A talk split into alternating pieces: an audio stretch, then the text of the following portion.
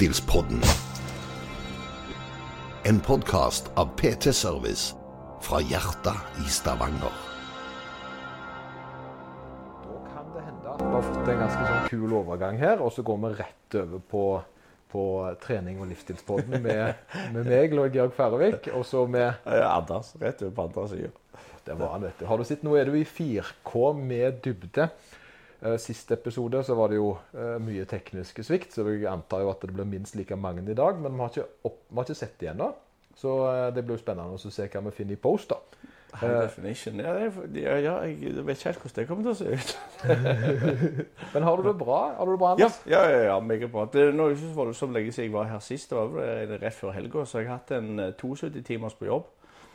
Og så er det, det er tilbake til Jeg hadde en fridag i går. Eh, hvor jeg egentlig fått slappet godt av, og så eh, og tilbake igjen på sporet igjen i dag. Du er tilbake til der Ja, du skal være i gode gamle Oh Anders yeah. Ja. Hva, hva gjør du når du har fri, Anders? Eh, Det kommer litt an på. Til. Altså, jeg, har litt sånn, eh, jeg liker godt å holde på med prosjekter jeg har fortalt om tidligere. Altså, jeg har alltid et eller annet å eh, henge fingrene i. Så eh, hvis jeg har fri, så er det ofte litt ut i garasjen. Og så er det jo eh, trening. Altså, jeg liker jo å kose meg på treningssenteret, eller om det er i garasjen. Eh, jeg har, har litt i garasjen òg. Har litt sånn Du har det ja, i garasjen? benkpress og Ja, ja. Jeg har det jeg trenger.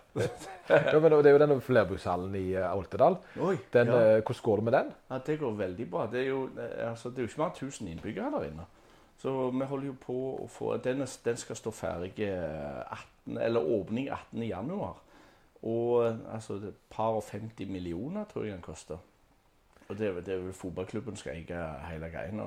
De har klart å samle inn penger. De har klart å gjøre ganske mye. Og så er jeg med i den etappen der eh, vi skal prøve å velge ut utstyret til, eh, til treningssenteret som skal være der inne. Ja, For du er blitt en sånn eh, ekspertperson på hva utstyr som skal være. det, det er vel kanskje ikke, ikke mye til ekspert. men jeg, jeg spør bare etter tilbud. Uh, forskjellige folk. Jeg traff jeg eh, en veldig hyggelig kar som heter Anders. Uh, så en, jeg kommer fra Eleiko. Han har jeg snakket litt grann med. Så har snakket med altså, litt forskjellige forhandlere. Det, jeg kan ikke kalle meg selv ekspert, men jeg hører på de som er eksperter, så tar jeg bare råd derifra. Omtrent sånn som her. Ja, litt sånn. Ja, ja, jo, jo, jo. Men altså, i visse områder så har du jo ganske mye erfaring da, på det du holder på med. Men, men også har du jo etter hvert s- jeg å sette pris på godt treningsutstyr, vil jeg våge å påstå. Åh, ja. Det er eh, Godt treningsutstyr, det er undervurdert, syns jeg. Det, eh, det, altså bare sånne småting som eh, den eh, stonga som jeg bruker i eh, markløft, knebøy, benkpress, eh, alt det der. Altså, jeg visste ikke det hadde så mye å bety å ha ei god stong. Det- Nei, nei, det er lov å altså, det, det å si, ja. Det, det, som, det, det, og det er jo det som gjerne er litt morsomt eh, på, på der jeg driver. da. Det er jo at det er en god del folk som eh, gjerne har begynt å forstå forskjellen på da en konkurransestang i styrkeretta idrett, ei vektløfterstang og da gjerne en billig variant. Eh, sånn at det blir det at de jakter på de da gode stengene før de skal trene.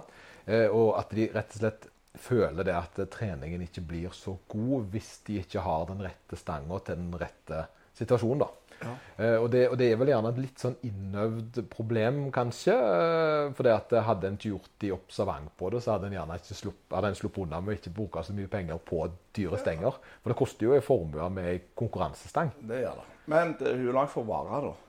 Det er jo, altså, den, Jeg har en stang som er nærmer seg nå 15 år. eh, og den, Jeg tror ikke du hadde gjetta kaldere av de stengene som er eldst.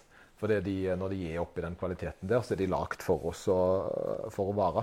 Sånn som jeg forsto det, så var eh, grunnen til at Leico ble så populært, det var det at eh, i vektløfting et eller annet år, så var det jo vanlig at de hadde ti stenger.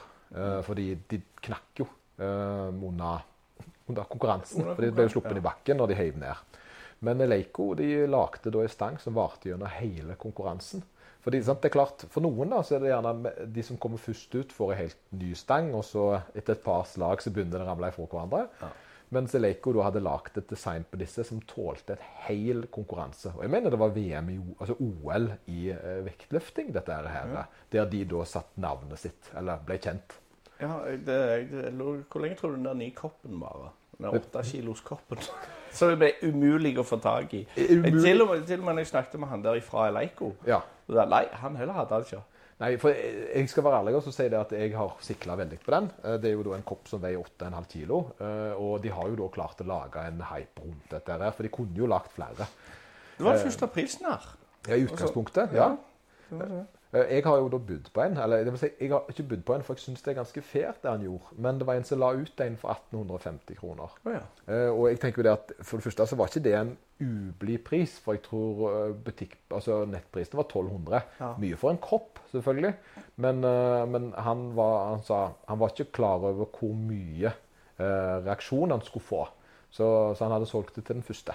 Ja, okay. Og det, og det syns jeg er ganske fair, da, for han kunne nok innsett at det her kan jeg sikkert gå opp i pris og selge den her for en formue. eBay så ser jeg at de setter startprisen på 4500. 4500, ja. Ja, så det, det er ganske fair å sette den såpass lavt. Ja. men det, jeg vet ikke om han visste om det. Han skjønte nok ikke hvor uh, ettertrakta denne koppen her var, og så var han fair nok til å si shit, jeg burde nok prise meg høyere, men uh, førstemann til mølla fikk han, da. Og det syns jeg egentlig Du kan jo si det er dyrt, men per kilo så er det ikke så Per kilo kopp så er det ganske billig. Eh, for jeg så en Starbucks-kopp eh, som jeg hadde litt lyst på, med en hjort på. Den kosta 200 kroner. Og den veide ikke 8,5 kilo, altså.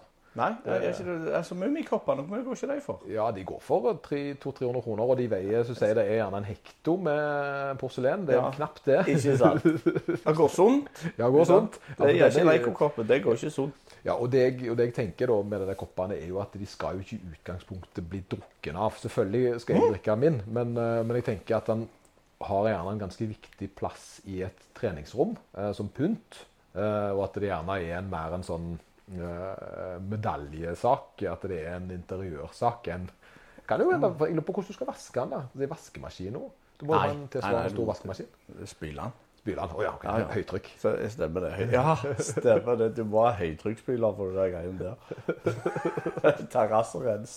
Terrasserens, ja, det er alvor. Nå skal det vaskes. Ja, da, men du, altså, du, må, du må gjøre det skikkelig. ikke Må du lære deg å eh, drikke fra begge hendene med den der. for ser jeg for meg at etter hvert så så når du har brukt biceps på høyre ganske lenge, så kommer du til å se ganske ujevn ut. Ja, Det det, er det er jo en transfereffekt eh, som teoretisk sett, hvis du trener kun venstrearmen, så skal høyrearmen faktisk få en forbedringspotensial. Eh, så det er sånn at eh, hvis du da eh, velger å trene bare ei side, så skal det foregå en overføringseffekt over til den andre. Så, så det er Men jeg, jeg hadde ikke, jeg hadde ikke tørt å så uh, gambla på det, for å si det sånn. Så jeg hadde trent litt sånn som jeg gjør med tannkosten. Det er en jukk der, og så er det en den. Og så annenhver. Det er sånn jeg gjør med tannkosten. I tilfelle at det skal bli ujevnt. Har du har sånn manuelle, du? Sånn Ja, jeg har, og ja, ja, ja, Okay. Jeg, jeg, jeg, har, eh, det legger, jeg legger det inn på Strava jeg, når jeg skal pusse tennene. Er ja, det, det er et skritt. Ja. 15 minutter med. Men det, det er volumtrening, da. Det er volumtrening. Ja, er det ikke noe sånn skritt heller? Vil, de telle tannpusten din som skritt, eller? kommer litt an på hvor du, eh, hvor du har den skrittelleren. Jeg antar at du har den på foten, så, så er det jo veldig vanskelig. da. Da er det, så pusser du tennene ganske rart. Men, eh, men det, det er jo ting vi gjerne må, må finne ut av. eh, Det, er gjerne, det er gjerne publikum må gå ut etter det. Ja. Er det vanlig at folk jukser med skritt? Så, Det som jeg opplevde, da, det var det at jeg, eh, jeg når jeg gikk over til Garmin, eh, så gikk jeg ned i antall skritt. For da brukte jeg mobilen før, og mobilen talte da eh, hvor mye jeg hadde, og den var nok ganske snill. Og han var såpass snill at jeg følte at Garmin var cheap. Oh, ja. Men jeg mistenker nok at Garmin er mer korrekt.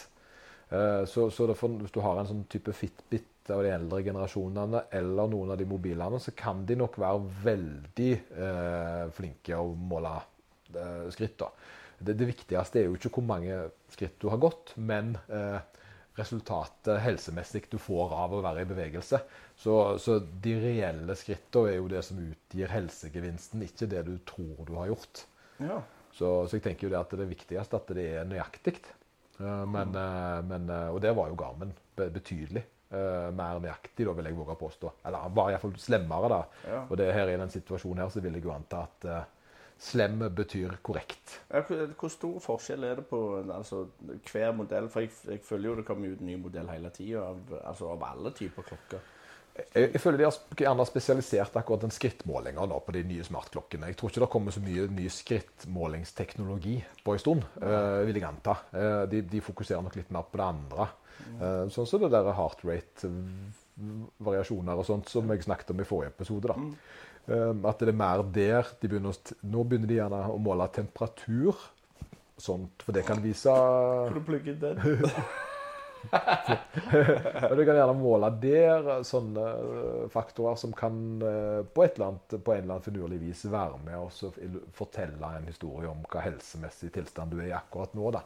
Så det blir jo som å konstant bli overvåka av en helse... eh, Altså en helsesøster, sånn på, på sikt. da. Jeg ville ikke gått så langt og sagt at jeg stolte 100% på det ennå, men, men det er en indikator, om ikke annet. Og på et eller annet tidspunkt så vil det jo bli såpass nøyaktig at en kan bruke det til ordentlige målinger. Ja, jeg tror målingene kan være ordentlige, men så er det òg den tolkninga av eh, eh, målingene. Den òg har nok kanskje litt å bety for uh, Det er vel ofte der sykepleierne og legene og eh, de som jobber med prehospitalt arbeid, det, det er der de kommer inn. For du har målinger, og så har du en tolkning av de målingene. Der tenker jeg at uh, de har vel fortsatt sitt å si, kontra ei klokke som gir beskjed om at kanskje det er et eller annet her. Ja, ja, jeg tenker jo at det er en sånn overstående eh, altså Selvfølgelig, nå er det jo, det er jo legen og sykepleierne. Vi kan gjette. Vi vet, som oftest så vet vi sånn eh, Vi er friske eller vi er syke. Vi vet at noe er galt ofte. Eh, og, men så er det jo det at det, det, jo- Og vi kan jo gjerne google og så se hva på en måte symptomene viser til. Men, men vi er jo ikke fagfolk. Og det, er Og det, er- tror jeg er farlig. ja, ja, men sant? Ja, men, men at vi, det er det som er vi, Hvis det ikke er såpass tydelig, da, og eh, såpass mildt, om du vil, så, så bør en jo faktisk stole på at de som er spesialister, vet det bedre enn oss. Ja. Og det føler jeg er en sånn ting som gjerne vi er blitt dårligere på. Det å lytte på folk som faktisk kan det. Eh, Ja. Alle er blitt spesialister. Eh, og, det, og, det, og det gjelder jo altså i mitt yrke spesielt, jeg som driver med trening. Eh, Og det er ikke bare i ditt yrke, det er, det er faktisk overalt. Hvis du leser gjennom kommentarfeltet på hvilket som helst tema, så der er ganske mange spesialister der ute.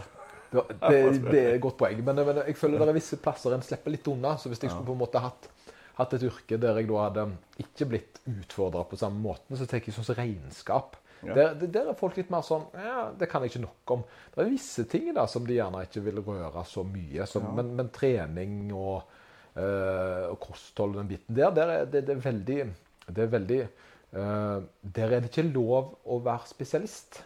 Eh, fordi alle har en formening om det. Og det, det syns jeg er litt artig. fordi de, de tenker at taket gjerne, taket på kunnskap er såpass lavt at det har alle rukket. Så alle er egentlig på det samme eh, maksnivået av kunnskap, da, hvis du, hvis du vil. Ja, ja, ja. Uh, og de forstår ikke at det er en videre uh, der at de som har holdt på med dette i 10-15 år, gjerne faktisk De skjønner ikke hva de kan. Nei. Er du med? Det Ja, det- jo, jeg, jeg er helt med. Det, det er sånn eh, å være fører på en bil. 80% mener de er bedre enn gjennomsnittet. OK. Det er stat- statistikk som er ganske eh, artig. ja.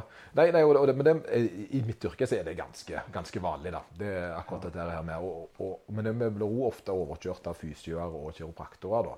Altså ikke av fysio og kiropraktorer, for de vet gjerne, de som er ressurspersoner sjøl, de vet gjerne at eh, han PT-en der, eller altså han, han kan mye.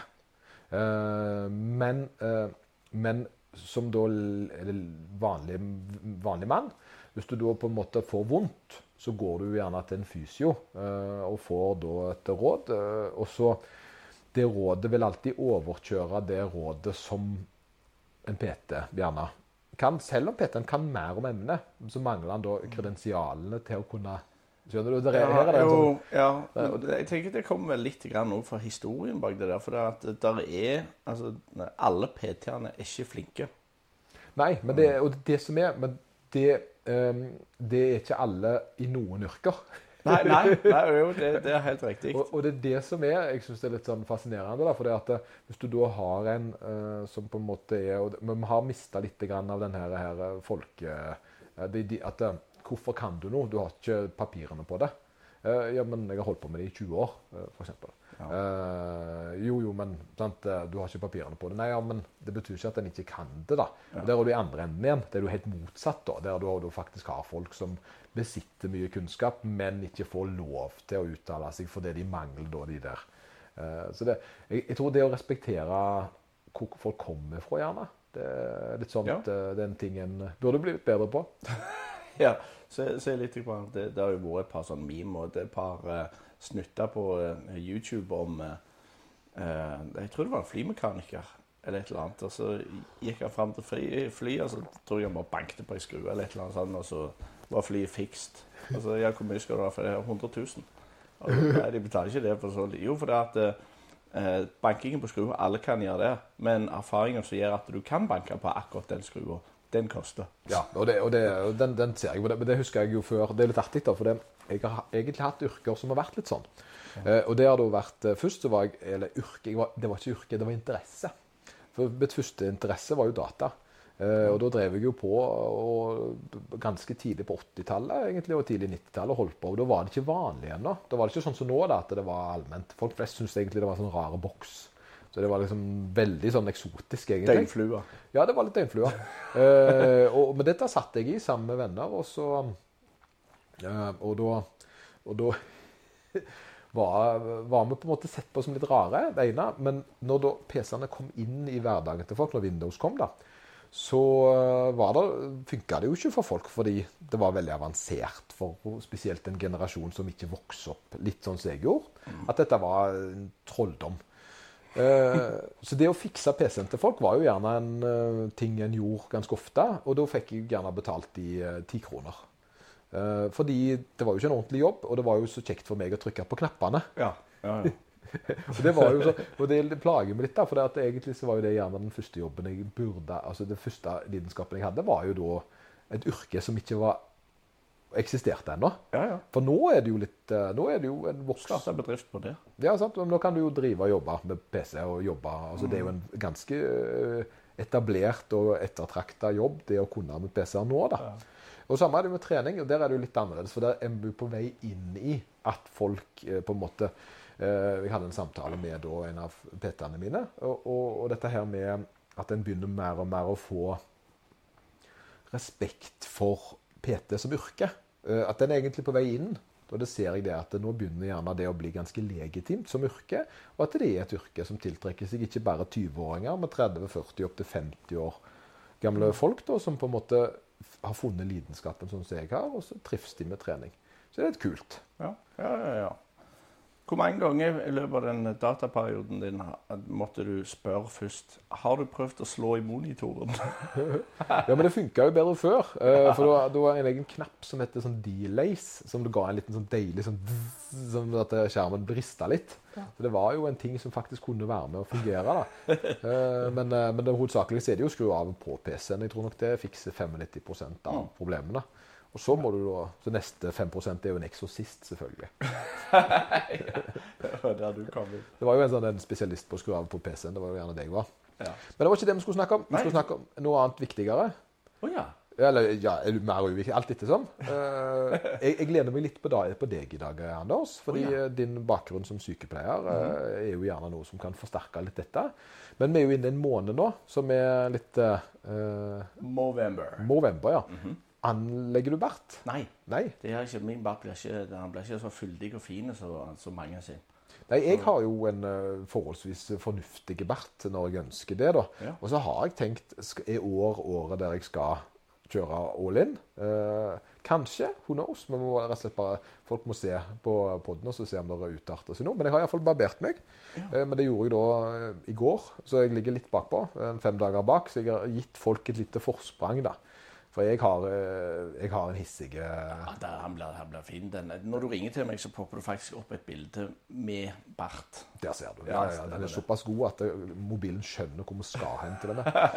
Men det er med mannehelse, da. Eh. Og det er jo en sånn tema som eh, eh, der er, Jeg leste en liten sånn kronikk om i Stavanger Aftenblad spesielt. Og det er jo dette her med at det er gjerne litt mer eh, bevisstgjøring av det, da. Og, og, da, og november er jo på en måte den måneden der en bevisstgjør litt om de mannerelaterte sykdommene en kan få. Eh, Det, og, og da gjerne sånn som testikkelkreft og prostata. Prostata, mm. men også selvmord, som er gjerne temaer som, eh, som berører høyere prosentandel av menn enn kvinner. da.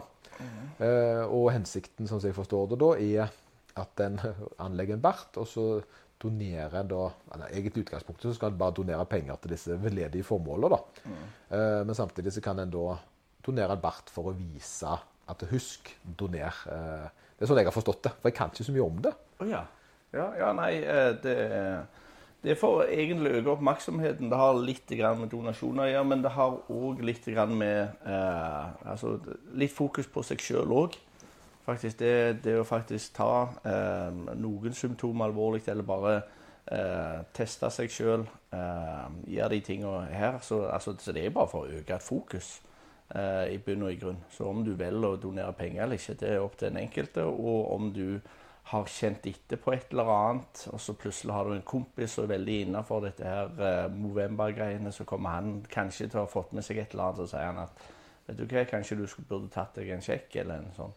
Ja, ja for, det, for det, jeg, det som jeg på en måte alltid har opplevd, eh, det er at jeg, eh, jeg da som ungdom, og, og det, det er jeg jo fortsatt um, Jeg har jo ikke hatt uh, noe sånn spesielt behov for å gå til legen. Eh, jeg har kun gått til legen når jeg har vært uh, altså I forbindelse med en eller annen, at jeg trenger en sykemelding eller et eller annet spesielt. da.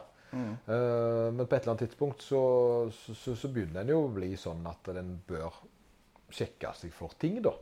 Eh, og det, jeg fikk meg jo en liten støkk når jeg fant ut at jeg hadde høyt blodtrykk. Eh, og det, det var jo noe som skjedde for en tre uker siden. Der jeg da ble testa i forbindelse med noen blodprøver og sånt, som var fine. Eh, Men blodtrykket mitt var veldig høyt. eh, Og da fikk jeg jo en støkk, fordi all, alt skulle tilsi at jeg ikke har det. Fordi at jeg er veldig fokusert på kosthold. Jeg er veldig fokusert på eh, trening og lever egentlig ganske vil si, helsemessig sunt. da. Samtidig så har jeg jo eh, Ja, altså jeg, jeg- Livet mitt dreier seg jo veldig mye egentlig om å gjøre, gjøre de tingene som er riktige i forhold til det som anbefales. Og da som yrke, blant annet. Eh, det, det henger litt sammen med den, den personen jeg er på jobb og fritid. da. Og når da jeg da plutselig fikk på en måte påvist høyt blodtrykk, så ble jeg jo veldig stressa. Fordi at eh, Tenk om altså, Det ene, da, det som overraska meg, det var jo det at jeg hadde det. Uh, og, og, og da ble jeg Første tanken min var Tenk om jeg har det fordi jeg stresser mer enn jeg er klar over sjøl. at jeg på en måte går rundt og tror at alt er fint, og så er jeg ikke klar over egentlig at kroppen min har det ikke så bra. At det liksom ikke er den røde, skrikende lampen. Ja, ja. Uh, heldigvis for min del så var det jo mer det at jeg tydeligvis da får prestasjonsangst når jeg tester blodtrykket hos legen. Ja. Uh, så når jeg da kjøpte meg blodtrykksapparat, som jeg nå har, og tester hjemme, så fant jeg jo ut at ok, det var faktisk ingenting der. da. Jeg hadde normalt blodtrykk. Uh, frisk som en fisk der. Men jeg kunne hatt høyt blodtrykk. Og det slo meg jo det at hvis jeg hadde hatt det, så er det ikke sikkert da at jeg hadde visst det. Eh, Og det er jo det som gjerne er problemet. da. Det er jo det at en tror en er eh, frisk. Eh, en, og det sier jeg ikke for å skremme, selvfølgelig, men derav er det lurt å gå innom og ta kontroller en gang iblant. Ja. Eh, og da på en måte gjøre de tingene som Movember kanskje er, har fokus på. da. Ja, jeg, jeg tror det. Altså, Vi har jo EU-kontroller på biler. Vi er jo inne hvert år med bilene våre bare for å sjekke at alt er i orden. Eh, Det er sikkert litt andre grunner til det òg, men, men vi gjør det. Uh, Varmepumpa, vi sjekker jo den. Er den i orden? Uh, Så det, det er ganske mange ting vi har service på, ganske mange ting vi fikser. Så jeg tenker det at det å ta en eller kanskje ikke en service, men iallfall en kontroll av kroppen, det tror jeg kan være lure, altså en veldig god idé. Og det, spesielt i november, når vi, når vi snakker om kreft, og ting handler om kreft, så det å komme i forkant når det gjelder akkurat har veldig veldig mye å bety. For det at eh, Hvis du kommer for seint ut når det gjelder akkurat den typen sykdommer, så, så er det vanskeligere å behandle enn hvis du tar det tidlig. Det samme gjelder egentlig eh, psykisk helse òg. På sykehuset så har de eh, jeg vet ikke om det er lenger et prosjekt, men de har et program som heter TIPS, altså tidlig intervensjon ved psykose. og Det, det òg eh, Forhåpentligvis så får de folk inn tidlig og kan ta det tidlig. For det er mye enklere å behandle enn hvis de kommer seint inn i loopen.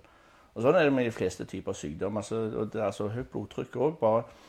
Trenger ikke å være noe, men iallfall få sjekket ut på et eller annet vis. Og så kan legen eh, og du fortelle kan dere gå videre, dere prøve å finne ut hvorfor er det sånn. Hvorfor har jeg høyt blodtrykk? Er det bare en del av meg? Er jeg stressa? Er det sånn? Så det, ta en sjekk, ta en kontroll eh, av og Ja, til. men hvordan, og det, det, det, det, det er jo det der For jeg, jeg synes liksom eh, jeg, jeg tror Jeg har jo et aldri slitt sånn Peter Pan-kompleks. Eh, og det tror jeg egentlig ganske mange har. Og det, når jeg beskriver det når folk beskriver det å bli voksen, da, eh, så, er, så, så er det ikke sånn at eh, For jeg alltid tenkte det når jeg var ung, at de voksne de er voksne, og så er vi barn. Eh, At, at det er en forskjell. Og på et eller annet tidspunkt så går en igjennom en eller annen forvandling eh, der en da er voksen og får utlevert all viten. Fordi det var som barn så var jo foreldrene ressurspersonene i forhold til kunnskap. Men så på et eller annet, men så ble, jeg, fant en ut at det er mer en sånn glidende overgang, der en egentlig ikke får eh, den kunnskapen, men en blir bare speila på seg sjøl.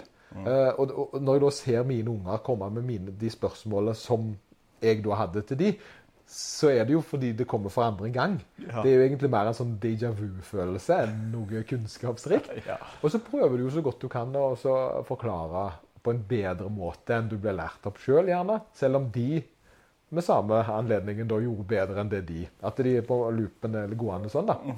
Eh, og, og det, om det som jeg da uh, De voksne var jo så gamle.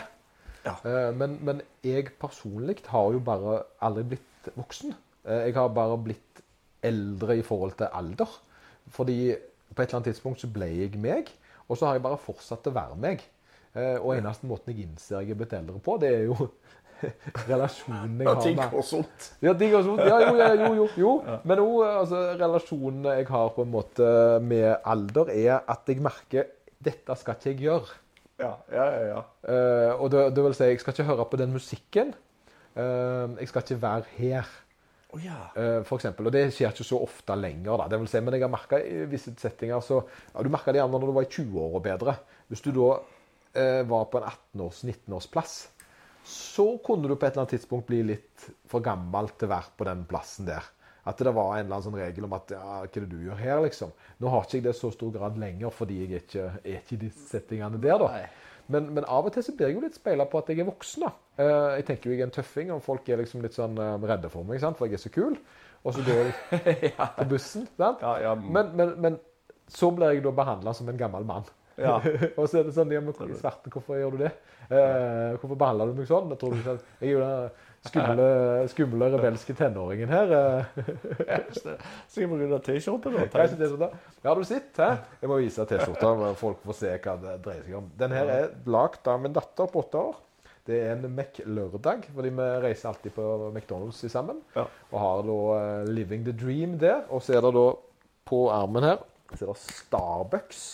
Fordi det er da det vi andre vi gjør. Vi går på McDonald's og Starbucks. Og det er jo det ungdommene gjør, så nå frir jeg litt til det kule, da. Eh, det- jeg, men den, den opplevelsen med, uh, med å uh, ikke legge merke til tida som har passert, det er Den gangen jeg husker det, det er egentlig uh, når guttungen ble ti år. Hva skjedde da? Nei, for det at jeg husker jo når jeg ble ti år, og det var jo før i gårs. Omtrent. Selvfølgelig. Ja, ja, ja. Så Nei, det sånn surrealistiske tanke. For, det at da for jeg husker jo ganske mye fra den fødselsdagen. Iallfall når jeg sitter på bilder og sånn. Så, men faen, det husker jeg sånn. Og da husker jeg foreldrene kom med kake akkurat det samme. Plutselig så var det jeg som sto i deres sko med kake og alt det der. sånn Så, ja, jeg er jo tonedøv, så jeg kan jo ikke synge. altså. Men du ser jo ikke ut som foreldrene mine så ut når jeg var ung. skjønner du? Nei, For det, det er det som er, Men de, kanskje vi gjør det i deres øyne. da. Ja, ja. Og det, og det tror jeg kanskje er litt sånn fint, egentlig. For det er jo litt av grunnen til at en gjerne ikke springer. Folk flest, da, vil jeg anta, ikke springer rundt når de er 40 og springer rundt til 18-åringer. Fordi det er et eller annet som skjer med deg. da, Det er på en måte en sånn modningsprosess som sier at det der, det, det, det er barn. Ja. Eh, Og jeg merka det at eh, men det var sånn, eh, det der jeg det med Paradise Hotel. Der er en sånn plass jeg la merke til det. fordi at jeg, fulgte, jeg var veldig glad i Paradise Hotel de første sesongene. Oh, ja. Så det var kjempegøy. Men på et eller annet tidspunkt så ble jo jeg eldre. Men de som var med på Paradise, de ble jo samme eller yngre. Og på et eller annet tidspunkt så satt en jo og så på barn eh, som dreit seg ut. Og, det, og meg som voksen syntes det var ubehagelig. For, for jeg, jeg, jeg reiste ifra uh, deres alder. Ja. Så uh, jeg ble eldre, men de forble det samme fordi alderen på de som deltok, var jo lik. Ja, stemmer det. Men, men altså det, mens du blir eldre, så øker jo òg denne sannsynligheten for at du skal få en eller annen form for sykdom. Og det handler ikke bare om at du føler deg eldre, men hvis du ser på tallene, så stemmer det overens med at jo eldre du blir, jo større sannsynligheten for sykdom. Så igjen tilbake til dette her med at eh, folk bør få en sjekkopp litt av og til. Det på, tror jeg er et veldig godt råd. og det, det tror jeg er Eh, du kommer ikke til å få innkalling, sånn som tannlegen. Tannlegen bare kaller deg inn. sånn, 'Nå må du komme, nå er sikkert et eller annet galt med tennene dine igjen.' Ja, ja, ja det, det, det er ikke, vi er ikke der at du, du nå, nå, eh, nå og, og, Kanskje det skulle vært det?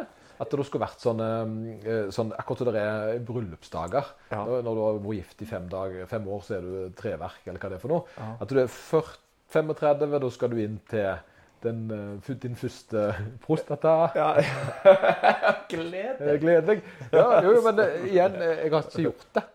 Jeg har ikke Eh, Beskriv en prostataundersøkelse. Nei, ikke gjør det. Undersøkelse så kommer til å skje at den eh, ja, prostata i bunnen av kroppen og har ikke så mange hullrom. Det går an å sjekke i. Du har stort sett ett. Det er en måte å sjekke den på. Ja, Altså. det, er ikke noe, det. det er ikke noe snutthold, skulle jeg å si. nei. Det var faktisk en uh, ikke om jeg skal ta en historie, men det er i hvert fall et F-16-pilot. Har jeg fortalt det? Nei, men fortell den til Ja, podden, okay. du. Ja, OK. Det var F-16-pilot. De kjører noen F-16-fly heter F-16B, og det, der, er- det var lov å passasjerer. Det sitter en baki. Oftest en som har noe der å gjøre. Men han legen til F-16-pilotene han fikk lov å bli med en gang. Så han som var pilot, og han kjørte jo svin med han legen, så han spydde jo oppi eh, Der han satt oppi noe Han hadde med seg spypose. Så ble han litt sur på dette, her, han legen. og så sa han Han skulle ta hevn, men visste bare ikke helt hvordan. Men de skal jo inn til årlig sjekk, og den ene sjekken er jo prostata. Ja.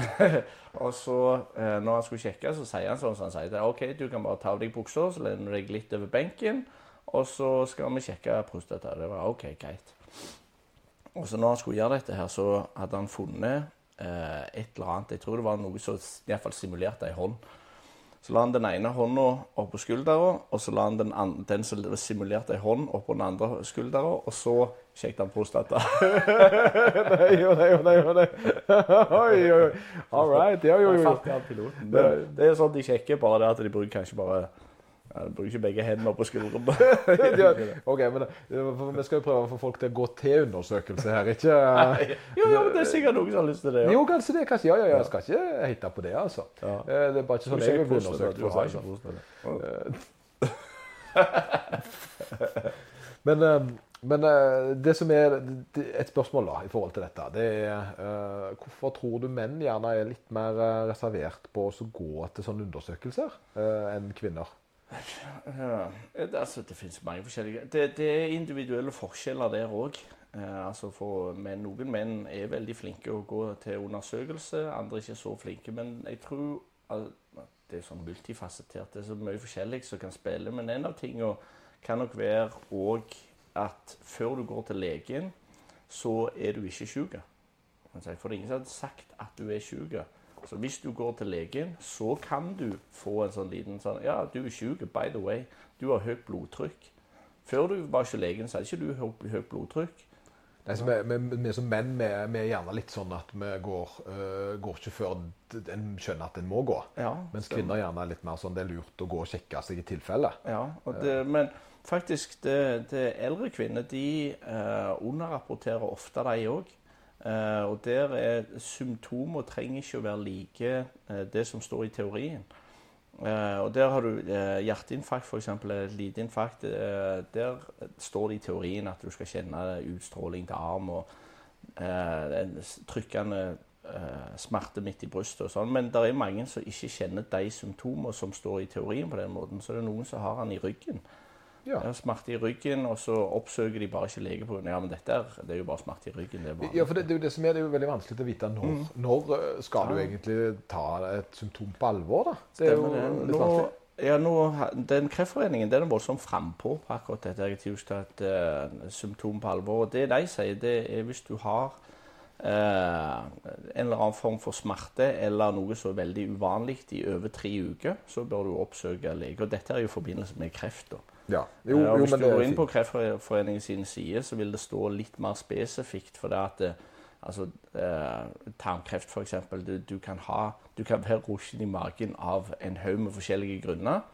Men der så vil de òg mer spesifikt si at eh, har du de grunnene der, så det er sikkert ikke vits å gå til legen. Men hvis det varer over tre uker, og det er f.eks. blod i avføringen, at det er noe nytt for deg, eh, at det, det er smertefullt sånn og sånn, så bør du gå til legen. Og det, det, så tar de hele spekteret. De tar eh, tarmkreft, de tar ja, kreft i andre organer. Så, eh, så de, de, er veldig flinke å oppsum, eh, oppsummere hva tid du bør gå til legen, hva tid du ikke bør gå til legen. Og, det, eh, og dette har jeg merka nå i det siste. Dette har kommet, så, tror jeg, i hvert fall, som et resultat av det eh, Movember-greiene. at eh, Kreftforeningen har kommet voldsomt fram i lyset. Så forteller de dette her med tre uker ubehag eller tre uker der det er veldig unormalt. Ta, eh, om du ikke sjekker lege, ta iallfall sjekk eh, Kreftforeningens side, og så eh, står det litt mer spesifikt der om du bør ta en samtale med legen. Ja, for, for det, det, er jo egentlig ganske gode råd. da. For det, mm. det, som, det som jeg bruker når jeg uh, hjelpe folk med trening. da. Det er, mm. det, det er jo derfor jeg på en måte påroper meg litt deg i dag, som er, faktisk er en lekmann i dette greiene her. sånn sett. Uh, er ikke det det heter når du er sykepleier? Sikkert. Ja. uh, jeg er mer enn trening, da. Men ja. skader, da. Jeg er muskelterapeut, så, så, så, pleier vi ofte å si det at OK, har du fått vondt, da, så, så er det ofte bare det å at de to første ukene Vi betegner ikke de to første ukene som så alvorlige. Det er ikke før det har gått i, hvis uh, en kan definere det som gjerne at det begynner å se ut som det er noe kronisk som faktisk trenger ordentlig hjelp til å gå over. Mm -hmm. så vi bruker ofte da, den toukersregelen på eh, Hvis det går fint over av seg sjøl, så er det gjerne ikke så eh, alvorlig, da. Mm -hmm. Men det er klart, selvfølgelig hvis det er ekstremt smertefullt, og en skjønner at dette her, en forstår jo det, men, men det er liksom ikke før en har klart å når skal en gå til behandling, type fysiokiropraktor eller sånt. Og Da pleier vi å si at hvis det vedvarer over to uker, så, så kan det være lurt å enten da begynne aktivt prøve å fikse det på egen hånd, eller da få hjelp da, av noen som, som uh, mest sannsynlig kan hjelpe deg bedre. Mm. Og Det er jo gjerne det som er regelen. At en, at en, men to uker er mye kortere enn ett år. Ja. Uh, og det er jo det ofte en ser, det at det er folk som da har uh, symptomer som, som, unngår å gå til legen fordi de er redde for hva det skal være. da. Uh, og det er jo en ting som jeg gjerne kan tenke meg. Jeg, jeg syns det er litt rart, fordi jeg har med to anledninger truffet på menn som har brokk. Ja. som har påvist, altså De får påvist brokk når de begynner å trene. Uh, og brokk har ingenting med dette her å gjøre i den forstand, men uh, brokk er gjerne noe som en fint kan leve med. Uh, da uten at det kan ha nødvendige alvorlige problemer, men det kan være veldig ubehagelig når du da presser deg. da. I noen situasjoner, mens andre så er det jo faktisk ganske alvorlig. når de da får påvist altså at de tror de har brokk, så går de gjerne ikke til legene likevel. Og jeg ville jo gjort det med en gang hvis jeg hadde tenkt shit, her er det en klump, det er mest sannsynlig brokk. Men de bare OK, ja, det ser ut som jeg har brokk. Da er det greit. Nå slutter jeg heller å trene. Det har skjedd. Oh, ja. Og Den syns jeg er litt spesiell. Ja, ja, ja det syns jeg òg er merkelig. Men om det kanskje kan være noe De trives egentlig ikke veldig godt på trening. Jeg vet ikke at Å, oh, jeg har brokk, da skal ja, jeg se trene. Det som, ja, for det kan godt være at de bruker det som en exit. Da. Men, mm. men eh, det som jeg eh, da lurer litt på, det er at OK, selv om da treninga ikke var interessant, og at en ikke har så lyst til å fortsette med det, mm. så vil jeg jo Jeg vil jo ikke at kroppen min skal være suboptimal. Uh, det, med det så mener jeg det at jeg vil heller fikse den. For det, det, det spørsmålet har jeg fått et par ganger. Det er sånn, uh, Når jeg, opp, når jeg har skada meg i forbindelse med en konkurranse, eller i forbindelse med et eller annet, når jeg har drevet styrkeløft, så har jeg skada meg. Og så har jeg måttet gå og operere til hverdags så plager gjerne ikke den skader meg eh, nevneverdig. Det med en gang jeg da gjør ting som er under da belastning, at det gjør vondt. Så i utgangspunktet så kunne jeg bare gjort ingenting, og så eh, hadde jeg da sluppet å gjort operasjonen. Mm. For meg så blir det litt sånn ja, det er jo et alternativ, det. Og så bare kutte ut treninga. Men, men, det gjør jo at jeg kutter ut muligheten en gang i framtida. At jeg fjerner jo Jeg gjør, ordner jo ikke opp i det. Så at da, løsningen her er jo at jeg ikke skal gjøre noe mer av det. Og det opplever jeg ofte er en sånn løsning som, jeg, eh, som går igjen. Det er at eh, OK, da har jeg vondt der, eh, eller jeg kan ikke gjøre det. Da skal jeg aldri mer gjøre det. Istedenfor aktivt prøve å sørge for å være så bra en kan, da. Mm. Ja, jeg det, som snakket også om litt på tidligere, altså ikke denne episoden, men tidligere episode, er jo at å skynde seg sakte. Altså Spesielt med det at det går an å trene seg opp igjen. Kan si. Kanskje la være å lufte hvis du føler deg skada eller har en eller annen skade. Kanskje la være å lufte det tyngste du kan rett etterpå fordi at du skal tilbake til der du var. Det kommer. Det kommer, ja. ja. For du er jo eh, Hvor mange prosent vil du sagt du er nå i forhold til den ryggen? 100. 100 sant? Ja. I, der er det sånn eh, vippeting. Der kunne en tenkt at noen fikk seg en smell i ryggen, og så Markløftet farlig, skal aldri mer gjøre det. Og så var, var det stopp på den reisen der. Det, det, det, det, tror jeg har skjedd ganske ofte i min At jeg har sett mange som bare Nei, jeg trener ikke markløft fordi jeg har vondt i ryggen. Eller mm. det, ryggen tåler ikke. Men da stopper du jo eh, all grunn til å bli bedre i det igjen. Det er å bygge deg opp og faktisk fjerne da, eh, problemet med å bygge opp strukturen til å tåle den aktiviteten du liker å gjøre. da. Så Det er på en måte min innfallsvinkel på det som har med trening å gjøre. Og da, da tenker jeg sånn Som helsa òg, så er jeg jo litt lik. da. At jeg vil jo egentlig prøve å være med best mulig helse. Men det jeg, jeg ser jo at det er noen som til tross for at de gjerne har begynt å få signaler, 30 eh, pluss, og begynt å få høyt blodtrykk eh, Det er ting som en egentlig kan for mange gjør, gjør mye lettere for seg sjøl med å begynne å være aktiv eller endre kostholdet, som mm. velger å ikke gjøre det. Og så fortsetter da heller i en sånn nedadgående spiral. Og så må de på en måte krasje før de da, eller blir tvungen til å gjøre endring. Så de venter til de må. Og den eh, der forstår ikke jeg helt. Nei, nei men det, det, akkurat det der hadde jeg òg vanskelig å forstå. Iallfall eh, når jeg var yngre. Det, eh, det med den forebyggende effekten av å trene. Altså, det var jo ikke det som var målet mitt. Det er bare noe jeg har satt pris på nå eh, altså nå at eh, trening, kosthold, alt det der, det har en forebyggende effekt på eh, mange forskjellige typer sykdommer, og inkludert kreft. Eh, det, eh, jeg tror det skal vanskelig gjøres at du klarer å trene vekk en kreft, men du kan på en måte utsette det eller eh, forebygge i mye større grad enn hvis du er inaktiv og hvis du Eh, eh, hvis kostholdet ditt er feil. Og det, er òg noen studier som peker på eh, at i noen tilfeller så kan ketodietter virke positivt på kreft. Jeg sier ikke det at det virker på alle typer kreft. Nei, men at det har avslutta med sukker, så fungerer det. Så. Men, det, men, det betyr jo at helseendringer relatert til ja. kosthold kan være positive for da, uh, for da en Altså senke da en, et resultat. Jeg, det jeg ser, da, det er at uh, for eksempel, Det var en sånn studie nå som jeg ikke jeg bare sånn forsiktig leste, leste. Det var det at uh, folk som aktivt styrketrente da, uh, opp i 70-årene, hadde muskelvev tilsvarende folk som da var i uh, 30-åra.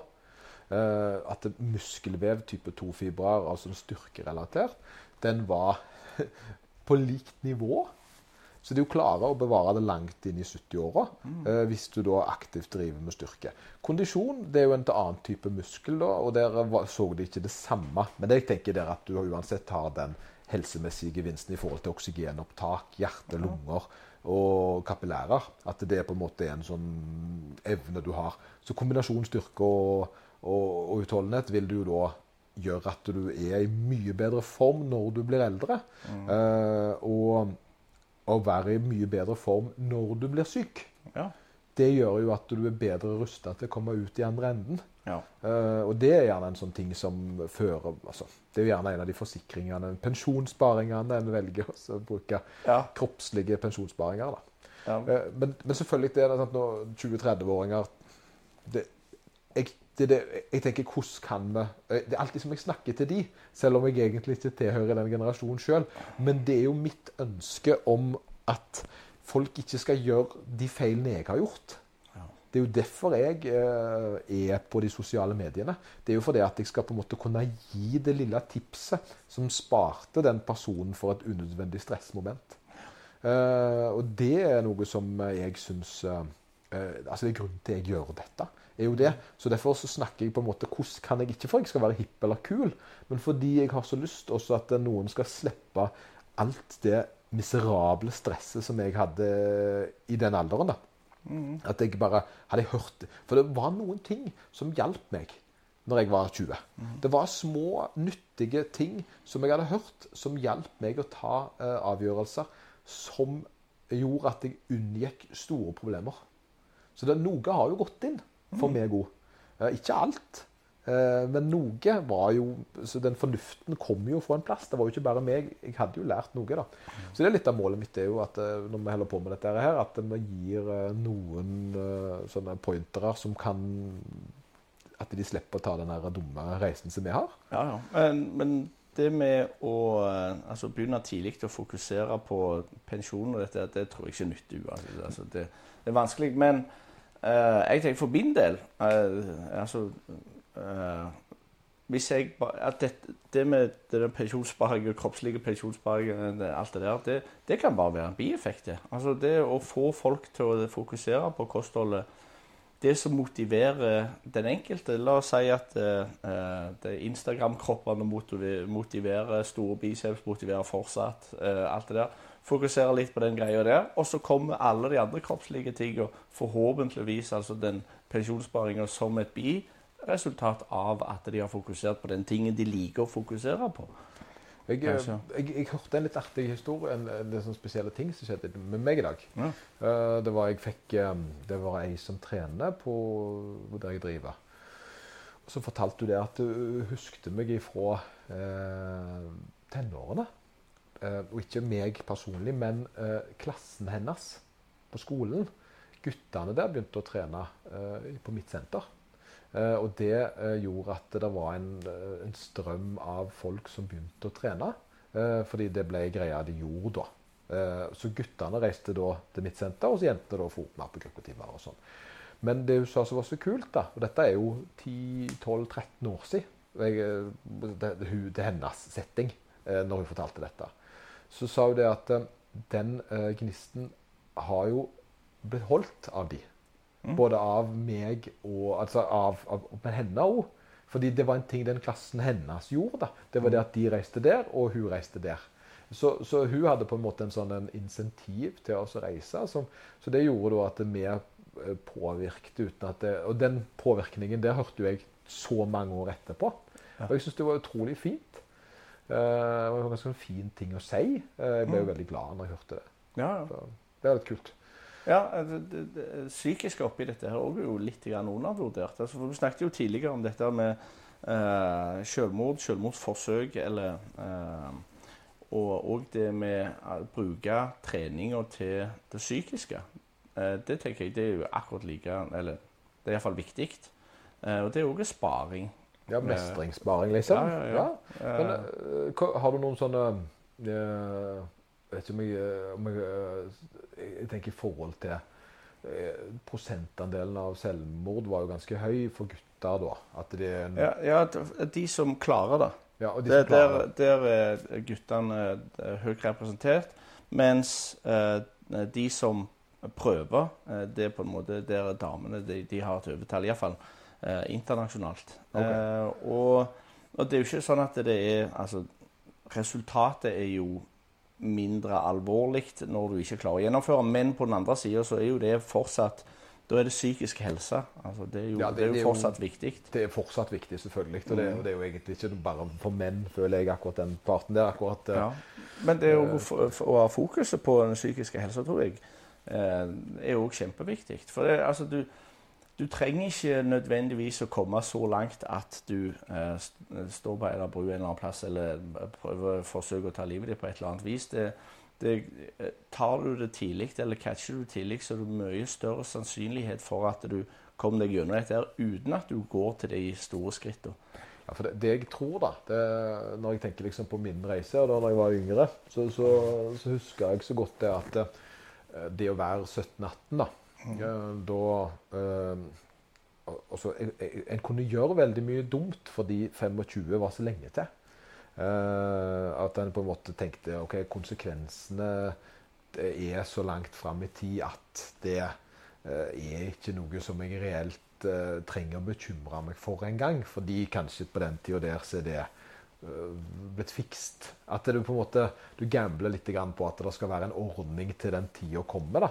Uh, og med det så tenker du at du gjør du gjerne ting som er litt dumme, og så, og så, antar du bare at det kommer til å gå fint. Og hvis de ikke gjør det, så er det en eller annen løsning i framtida uansett. Ja. Uh, og det var jo da ganske sånn kort 18 til 25. Det var en veldig liten sånn sirkel egentlig jeg så fram i tid. Det er veldig vanskelig, tror jeg, som 18-åring å tenke at du skal bli voksen en gang? Ja, jo, det, det er kjempevanskelig. Og en av grunnene til det er at uh, før du er altså 3-4-25, så uh, mangler du uh, den evnen som du har når du er over 25, til å tenke konsekvens pga. hjernen ikke er ferdig å vokse. Sånn at, ja. og en av de tingene som kommer da når du blir litt eldre, det er evnen til å tenke konsekvens. Sånn at det er ikke bare pga. at du ikke har lyst å tenke konsekvens, men i mange tilfeller så eh, har du ikke evnen til det. og Derfor er det greit å ha de voksne der som har muligheten til å tenke konsekvensen av det du gjør, og kanskje peke deg i en litt annen retning. Ja, ja, kanskje, kanskje. Ja, at det, det liksom der, um, det, Men det, det, det, som jeg ser da, i forhold til den historien jeg fortalte om, om henne, som mm. at en sparka der, så er det jo noe med da, at en gjerne er uh, En er med å påvirke uten at en skjønner det.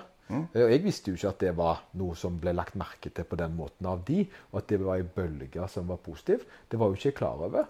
Uh, men, jeg tenker jo det at da kan vi som voksne ikke nødvendigvis komme og si du må gjøre det, og du må gjøre det.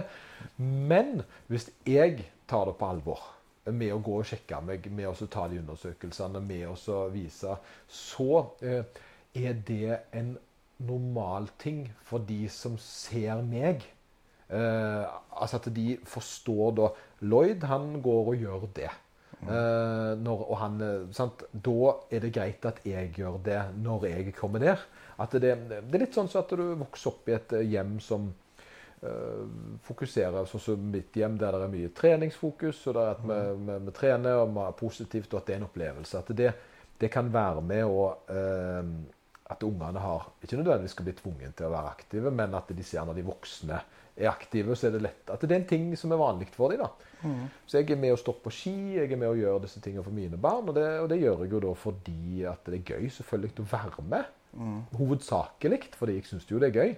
Uh, men samtidig så viser jeg jo det at en voksen er, skal være med på det. Mm. For mine. Og da er de vant med det. Og da tenker jeg at en gjerne bør være på samme måten da en, eh, et forbilde for de når det gjelder uh, å gå og undersøke seg og vise at en bryr seg om sin egen helse, både mentalt og alt. Jeg tror det gjelder altså, den stillingen du har òg, eller posisjonen du har som, uh, som coach. Uh, som, for det at du, du, legger til deg en del eh, Altså, du har folk som ser opp til det du holder på med. Pga. at du på en måte coachen, du gjør ting riktig, du viser hvordan det skal gjøres. Altså Både innenfor trening, men òg innenfor kostholdet ditt. Eh, når folk ser at du får det til, og du eh, går til legen i tillegg, så tenker jeg at det, eh, det er flere som ville tenkt vet du hva, da må jo det være lurt. Kanskje jeg skal ja, kanskje det at jeg skal gå, ja, ja, jeg, mm. det, det, det, tror jeg kanskje kan være en, ja. en, den viktigste leksjonen herifra. Det er også ikke være nødvendigvis eh, forklar hvorfor det er så viktig, men heller gjøre det som en uh, At du gjør din egen gjør plikten for deg sjøl. Mm. At du begynner å okay, vise for deg sjøl hvor viktig det er, og så vil det smitte av med at det da det er en åpenhet og en trygghet rundt det. Mm. Uh, at du er en påminnelse bare av at du gjør istedenfor at du vokalt sier. Ja. Uh, det tror jeg kanskje er litt, litt, litt viktig. Ja, men vi har jo forskjellige folk som er ganske store innenfor media og, og influensere og sånn. og Det er òg altså, en, en lite sånn eh, Hvis dette kan være talerør til deg, så er det på en måte prøve å gjøre dette her normalt. Altså, for det tror jeg kan hjelpe. Du har hatt folk som har hatt kreft, og så er det fokus på eh, kreft, og så har de lagd forskjellige stiftelser. Og de stiftelsene har klart å fange opp folk som vanligvis ikke ville gått og sjekket seg sjøl. som gjort at de eh, i mye større grad har muligheten til å bli kreftfri. Eh, og da tenker jeg at eh, folk som har et eller annet talerør, folk som når ut til mange folk altså, Det kunne nok bidratt i positiv retning hvis de hadde nådd ut til sine følgere og normalisert denne greia. Og det, hvis det er eh, Jeg tenker bare, bare fått folk til å, til å undersøke seg sjøl. Ja. Mm. Det, det, tror jeg kanskje kan være konkluderinga med akkurat temaet. Vi har jo litt ja. andre ting vi vil snakke om, for vi skal dele det litt opp i dag. Nasjonal kreftdag i, i India i dag, forresten. Oi, oi, oi. Det, det, gratulerer, India. Det er en viktig ja. dag for de. Eh, men det som var intensjonen vår med den samtalen, her var jo da å vise litt at vi, eh, at vi Livsstil. Livsstil, ja. Men de er jo innenfor det. Og det er jo da at en prøver å være et forbilde for de rundt seg. For det er ikke alltid en vet det. Med å gjøre det som er riktig for seg sjøl, mm. Eh, er vel kanskje det vi må konkludere med i forhold til dette. Ja, og at den fysiske helsa, iallfall fravær av sykdom og alt det der, eh, og eh, fysisk og psykisk er på en måte like viktig som å komme seg på gymmet. Ja, og det, det som er med, med podden, da, så har vi da vi har snakket litt om dette. her, For det, vi vil jo ha flere ting. Vi vil jo da ha ja. litt sånn temaspesifikt. Og nå er vi jo såpass eh, Vi har ikke kommet i gang skikkelig med det ennå. Men jeg har i alle fall en studie som jeg syns var litt spennende, som jeg har litt lyst til å snakke om. Ja. Eh, som jeg eh, prøvde å spille inn i går. Og, så spilte jeg, og det var litt sånn jeg spilte inn i går i forhold til eh, hvordan jeg skulle marinere den. da. Okay. For jeg var ute og løpte. Yeah. Eh, og så kom på en måte den her feelingen av den studien, hvordan jeg på en måte eh, kunne vinkle den. Men problemet var at når jeg da spilte den inn, for jeg har fått meg ny mobil, eh, så følte jeg at settingen jeg snakket om dette i, ble så feil. Fordi jeg var ute og løpte, og så filma jeg mens jeg løpte, og så snakker jeg om volum i styrketrening. ja, ok. Og, og, det blir jo helt feil, fordi at eh, folk da som ser på utsida, skjønner jo gjerne at hvorfor snakker han om styrke mens han løper? Men det er jo fordi jeg da driver med hybrid. sant? Hybridtrening. Mitt mål er jo da å trene eh, kondisjon og styrke. Og være på en måte som forbilde innenfor, eller forbilde, altså for meg sjøl. Og bli så god jeg kan innenfor det å være sterk og utholden. Og, og det, det, som jeg ser, da, det er litt av greia her med den studien, det er jo det at eh, først og fremst så må jeg liksom fortelle litt om det, så, det som er styrketrening. Det er det at uh, vi har alltid hatt et uh, sånn tanke om at uh, det er et visst volum som er unødvendig. Har du for mye volum, så, så, blir det definert som trash-volum. Som da vi har tenkt at hvis du gjør for mye av noe, så er det ikke det bra. Så derfor er det et visst sett med antall sett som er korrekt. Men nå er det en studie som har på en måte motvist det litt. Og den, den da hadde en økende antall sett i løpet av ei uke. Eh, og hver uke da, så steg de i en periode, og endte da altså opp med 52 sett den uka der på, eh, på lårmuskulaturen i denne settingen. da. Og det var fortsatt framgang ved 52 sett, så den utfordrer da litt dette her med at en eh, ikke kan trene mer. Fordi kroppen kan tilpasse seg veldig mye. Og Grunnen til at jeg da gjorde dette i forbindelse med løping, er at det er det vi har sett med løping òg. Det er jo det at eh, det nordmennene gjorde ofte, var jo det at de trente egentlig litt mindre enn gjerne mange andre land. Eh, og så kom da eh, etter hvert veldig gode norske løpere. Og hemmeligheten deres var jo voldsomt økt volum. Og det er det en ser da over mange, altså mange nasjoner, at volumet innenfor det de holder på med, er innenfor en sånn ramme. Sånn, du snakker ganske 150-200 km i uka gjerne. Og så hadde de da spesialiseringstrening og utenom. Før så ville det volumet der blitt sett på som helt tullete. Eh, at folk liksom Du skal ikke trene så mye, da trener du for mye. Men så overgangen da mellom da, eh, Selv om styrke og utholdenhet er så forskjellig, så ser en gjerne nå i samme enden at styrke kan òg ha preg av Altså kan òg ha fordeler av å øke settet. Mm. Eh, og det har da vært et litt sånn hemmelig våpen. altså selvfølgelig Det er blitt et nytt hemmelig våpen for meg. Fordi det vi alltid har gjort før, det er at vi har ligget innenfor et visst sett med, med et visst, visst, antall sett, og så har vi heller spesialisert øvelsene mer. At vi skal finne de hemmelige øvelsene som gir oss fordel. Men jeg tror en enda lettere løsning er å øke volumet for visse personer. Mm. Det betyr ikke at løsningen alltid er mer volum. Det er veldig viktig å si. Eh, fordi eh, du kan, der viser, der er studier som viser at du har eh, framgang på hva da, fire sett i uka på en muskelgruppe. Så det handler egentlig om å finne det volumet som er ideelt i forhold til livsstil, restitusjon og alt. Men det øvre taket eksisterer ikke på samme måte som før.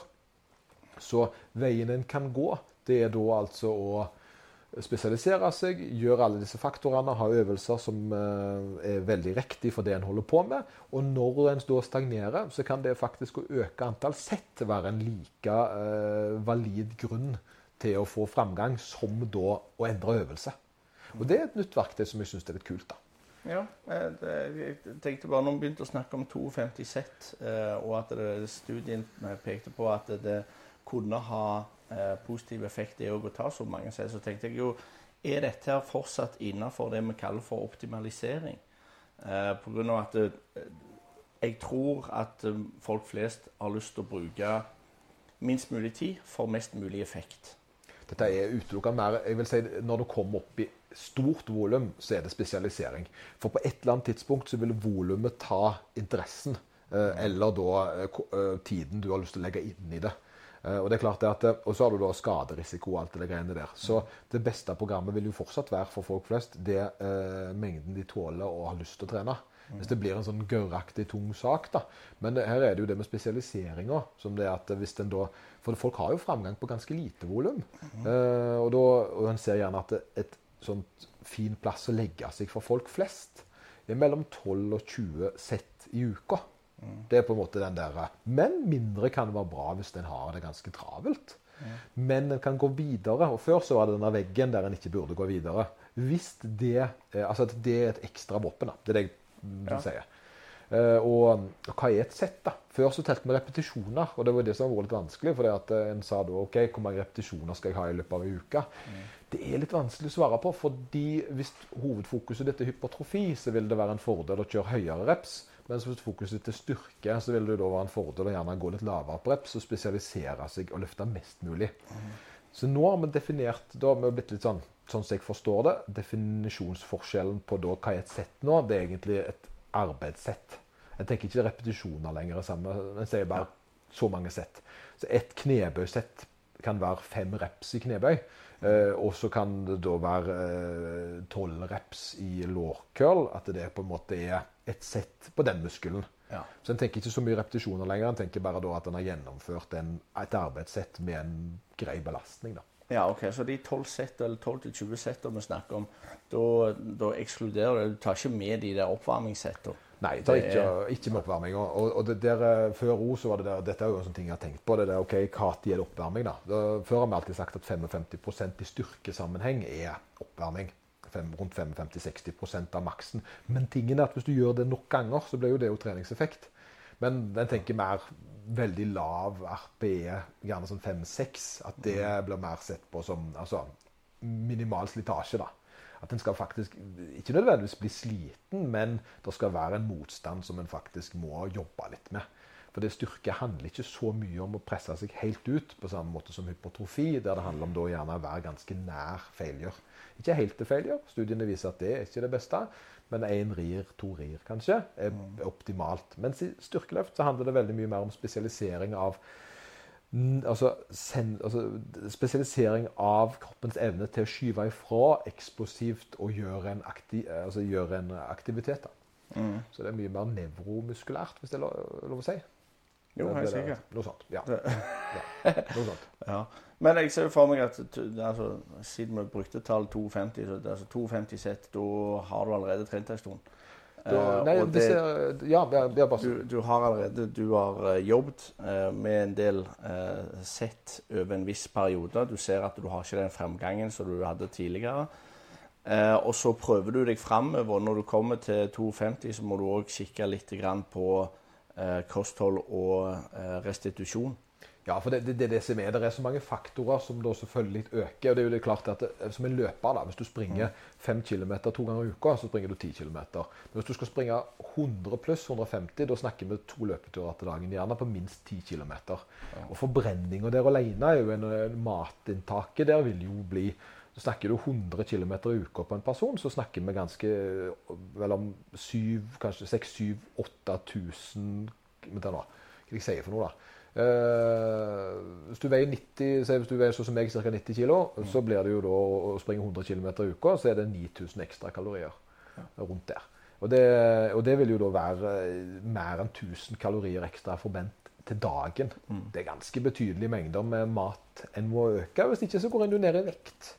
Og da får skape dårlig restitusjon, og hvis den ligger mange, altså over 1000 kalorier i underskudd, så har en jo andre Så, så det er masse faktorer, selvfølgelig.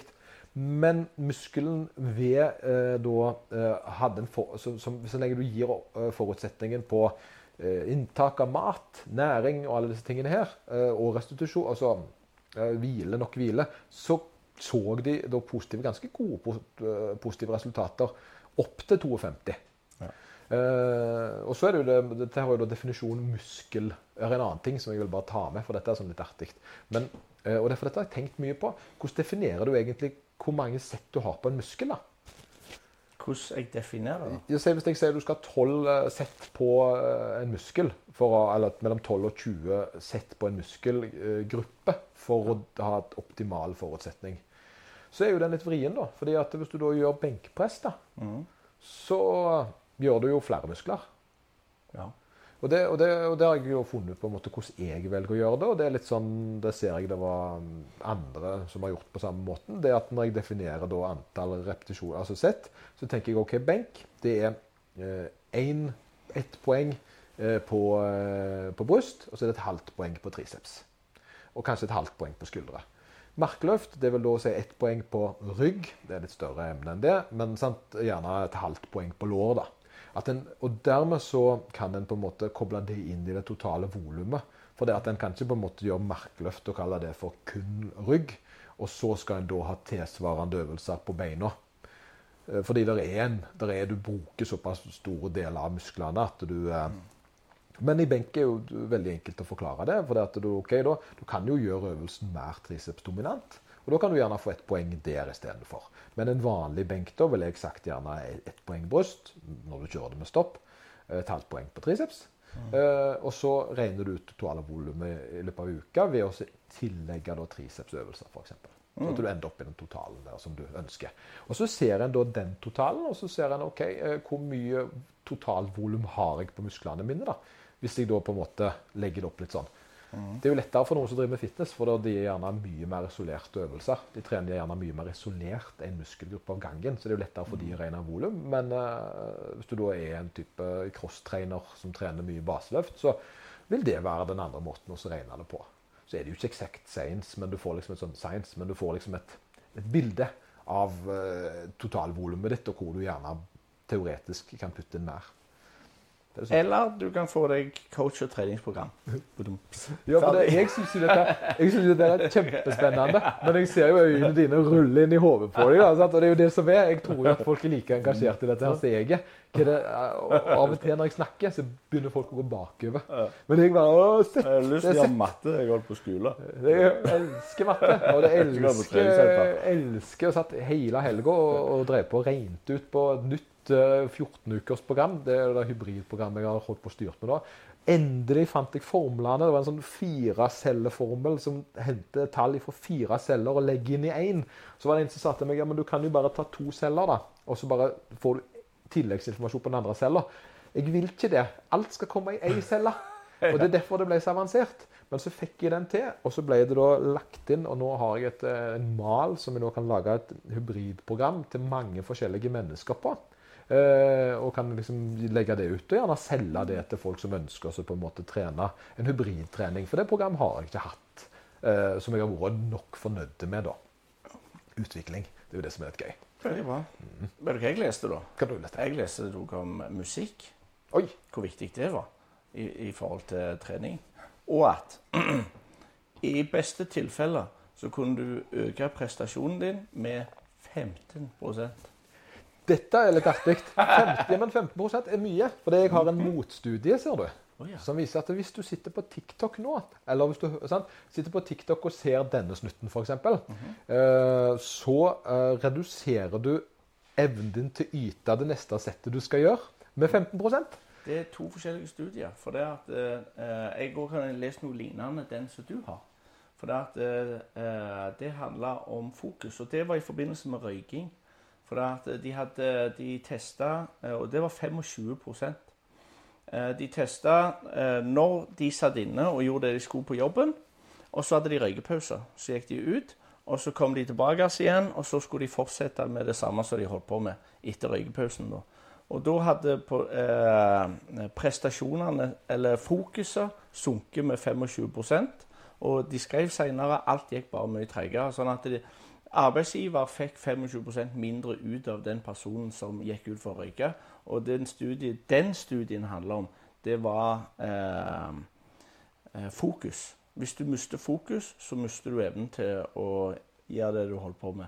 Jo, da er jo spørsmålet hva vil det da si hvis du tar også eh, tar et benkpress eller et markløftsett, og så går du ut og tar en røyk. Og så skal du ta sett til. Hvor mye prosent fall tror du du har på den i forhold til Nei, hvis, hvis, du er godt inni det, og du skal ta den siste, og du er skikkelig i form og klapper hendene, og folk står og slår deg på skuldrene og, Altså, Vent litt, jeg skal bare ta meg en røyk. Skal bare ta meg en røyk, ja. ja men det, det, det, føler jeg jo litt sånn, det er sånn problem i forhold til Det er noen som har sånn vanvittig setup. De har sånn setup når de skal løfte mark, f.eks. Så blir de sånn Ja, nå skal vi dra markløftpass, Og så bruker de tre minutter før de begynner å dra. Og så skal vi jo hype. Men så begynner vi å hype med en gang, for det er der ja. vi tror de skal dra. Men så har de jo da de skal ta på seg slipset, de skal ta skoen skal på, de skal synge litt, og de skal gå en tur. Og så skal de løfte. Og der begynner, og vi har allerede, vi har liksom, vi har allerede gitt opp eh, engasjementet. Ja, ja, ja. Det er vekk, da. Jeg sitter på benkpresset og venter. Jeg, oh, ja, du skal du dra nå, ja? Sånn, sånn ja. OK. Ja, ok, Nå er det Kom igjen, kom igjen. Og, det har jo skjedd et par ganger der en begynner å heie for tidlig. da. For det, da blir det litt sånn, Når du da skal heie på ordentlig, så er det Er det nå? Ja. Nå? Vent til de trekker pusten.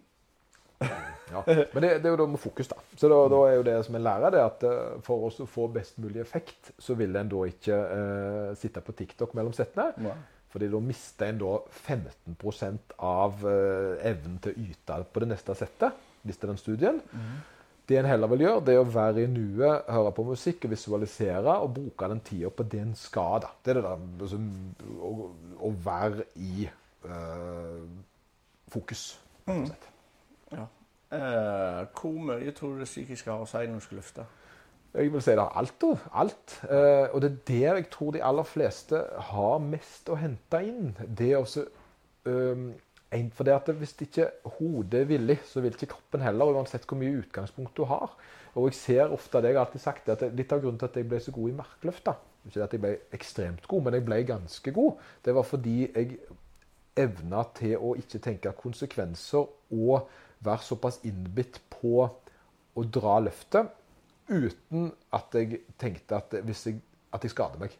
At jeg på en måte kunne være i det og bare dra. da. Og jeg ser at jo flinkere en er til å skru ut alle redslene en har, og bare gjør, jo bedre er det i forhold til å yte når det gjelder. Uh, og det er jo noe en trener på. En trener jo på å bli god på å prestere bedre enn en har gjort før mentalt. Det er ikke bare kroppens løfte, det er hodet. da. Så det å heie da, at folk er med og tror på deg og sånn, tror jeg kan overkjøre den usikkerheten en gjerne sitter med. Så jeg tror det har veldig mye å si. altså. Okay, fant du hjalp meg? Det var den, uh, bare et program der det står tall. For jeg pleier ikke å krangle med tall, de pleier å være riktige. Så over mange uker med et program der tallene har vært riktige, så plutselig kom det et ganske høyt tall på det programmet. Og da var jeg der Nei, det klarer jeg ikke. Og så var det liksom ja, men tallene sier jo jeg skal klare det. Ja, og det, og det, det, det men det er veldig bare, viktig. For det, har jeg sett sjøl, at når jeg da trener systematisk på den måten der, så, så og når jeg gjorde det Det er jo derfor jeg er sverger sånn til dette opplegget. det er jo det at jeg når det da sto jeg skulle ha en dobbel på tidligere pers, så hadde jeg jo gjort alt annet på programmet allerede. Eh, så hvorfor skulle jeg ikke da klare dette nå? Og så gjorde jeg det, så ble jeg jo over, altså overraska over at det gikk. da. Mm. Men etter jeg hadde da tatt en doble der, så visste jeg at hvis jeg klarer to repetisjoner på min tidligere maks, så har jeg jo en teoretisk høyere maks i vente. Så det var den mentale kampen for meg. Og det samme gjaldt med tre repetisjoner. Da du plutselig tok tre repetisjoner på tidligere maks, eller nært nok maks, så ville det, gjorde, låste det opp det mentale for meg at ja, men da er det mer. Det er mer enn før. Ja. Det, så det er, litt, eh, det er litt viktig, tror jeg. Klarer du mer når folk ser på?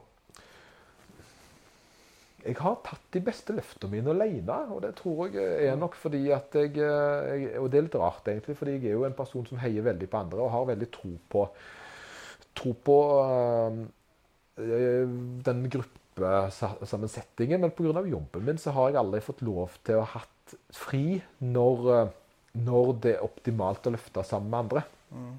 Men jeg må si det at jeg tror nok at det er lettere å være på når du har folk som tror på deg og støtter deg. Så det, det, det, det Ja, jeg vil si det. Men nå tenker vi markløft. Det er vel den ene øvelsen som er unntaket her. Den har jeg nok dratt de beste alene. Ja. Men der har ikke den, der har ikke den redselen vært, ikke sant? Eh, Fordi hvis du ikke klarer det, så klarer du det ikke. Eh, Mens i benkpress og bøy, da, så er det gjerne øvelser der en vil at folk skal være med deg. Og spesielt når de har veldig tro på deg, så tror jeg at det er, det er da jeg har passa. Altså. Ja. Jeg har ikke passa så godt alene som jeg har gjort sammen med andre i sånn setting. Tror jeg. Ja, jeg kjenner det, jeg òg. Det er eh, Men av og til så ødelegger det litt for meg òg. for det at jeg vet at eh, altså, er det mye folk rundt, så kan det være jeg passerer det som jeg vet er P8. Tar en ekstra. Det, men det, men det, det, mellom, mellom meg og deg, Anders, så tror jeg at det er helt greit. Uh, selv om programmet sier RP8, så tror jeg du har lov å gå litt over en gang iblant. Uh, det, det er nok lurt å pushe det litt, hvis du ikke er av den personligheten at du alltid går over. Fordi, for Hadde du vært den som var mye skada, så hadde jeg fjerna RP-en på deg.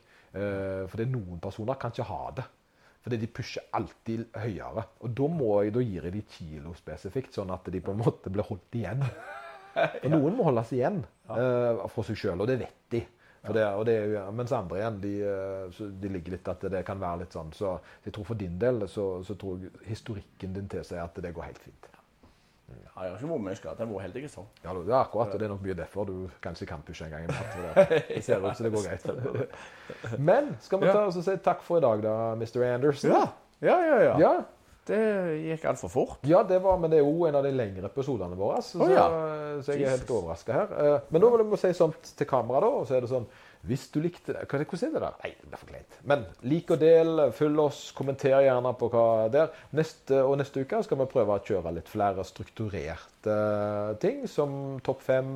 Det er ukens studie og litt forskjellig. Og så prøve på en måte å gjøre om at du vet hva du kommer til når du hører på oss. Men uh, nå har vi iallfall delt opp i et hovedpoeng og en studie denne gang. Så det var litt kult. Uh, takk for at du lytter eller ser på oss, og så håper vi at du blir med neste gang òg. Yeah!